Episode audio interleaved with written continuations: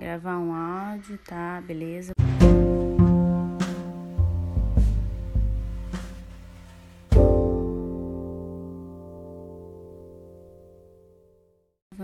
Grava de novo, só pra fazer um teste pra Letícia.